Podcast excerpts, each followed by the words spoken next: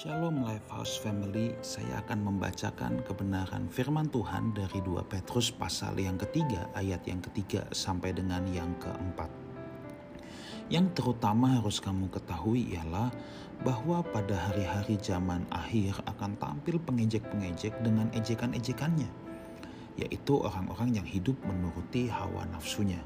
Kata mereka, di manakah janji tentang kedatangannya itu? Sebab sejak bapak-bapak leluhur kita meninggal, segala sesuatu tetap seperti semula pada waktu dunia diciptakan. Saudaraku, uh, rupanya pengejek-pengejek yang mengejek tentang janji kedatangan Tuhan itu sudah ada sejak ribuan tahun yang lalu.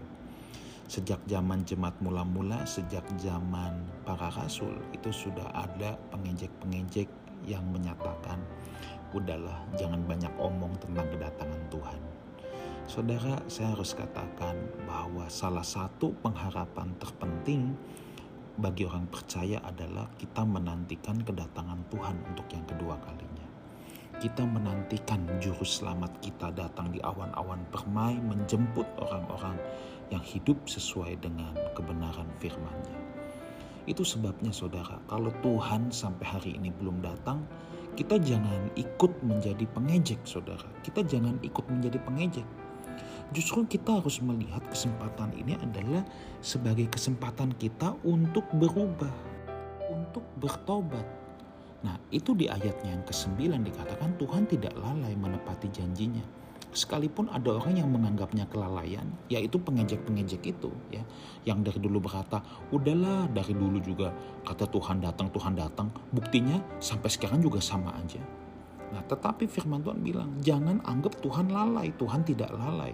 Tetapi justru kalau dia belum datang, ia masih sabar terhadap kamu, terhadap saudara dan saya karena ia mengkehendaki supaya jangan ada yang binasa, melainkan supaya semua orang berbalik dan bertobat. Yuk, sebab saya uh, sering kali diskusi dengan orang Kristen juga.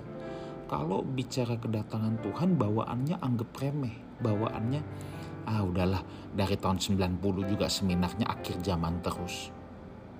Nah, saya tentunya tidak mengajarkan saudara jadi orang yang euforia ya jadi nggak mau ngapa-ngapain tiap tiap hari cuma mikirin Tuhan datang Tuhan datang Tuhan datang. Enggak saya tidak mengajarkan seperti itu.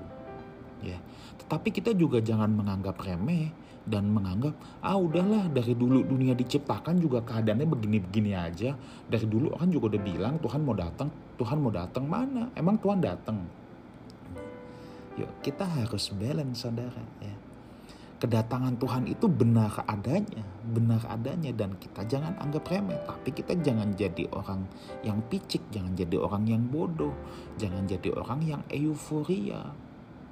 Seakan-akan udah aku nggak usah kerja lagi, aku nggak usah ngapa-ngapain, tiap hari kebaktian, tiap hari pokoknya menantikan Tuhan datang. Itu juga nggak benar. Yang benar adalah kita harus berjaga-jaga. Kita hidup seperti biasa dalam arti kita tetap bekerja ya kita tetap menjalani aktivitas hidup kita sebagaimana mestinya, tetapi kita menjaga, kita waspada, kita waspada dengan cara apa? Kita hidupi firman dalam seluruh aspek hidup kita. Kita tetap menantikan Tuhan datang sebab Dia adalah kekasih abadi kita. Seperti orang yang mau uh, ketemu dengan kekasihnya yang sudah lama tidak jumpa, ya atau yang ditunggu-tunggu untuk datang. Demikianlah seharusnya orang percaya menantikan kedatangan Tuhan. Hidup dengan penuh persiapan, hidup dengan berjaga-jaga.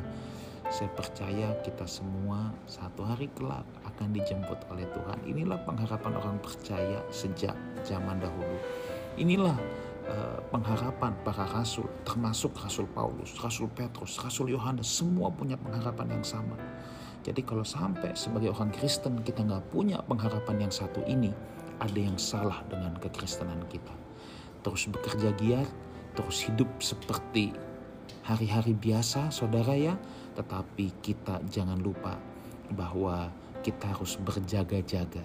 Sebab Tuhan bisa datang kapan pun dan berbahagialah hamba yang ketika tuannya datang sedang melakukan tugasnya Saya berdoa kita semua menjadi bagian orang-orang yang akan dijemput Tuhan di awan-awan permai. Tuhan Yesus menyertai kita semua. Amin.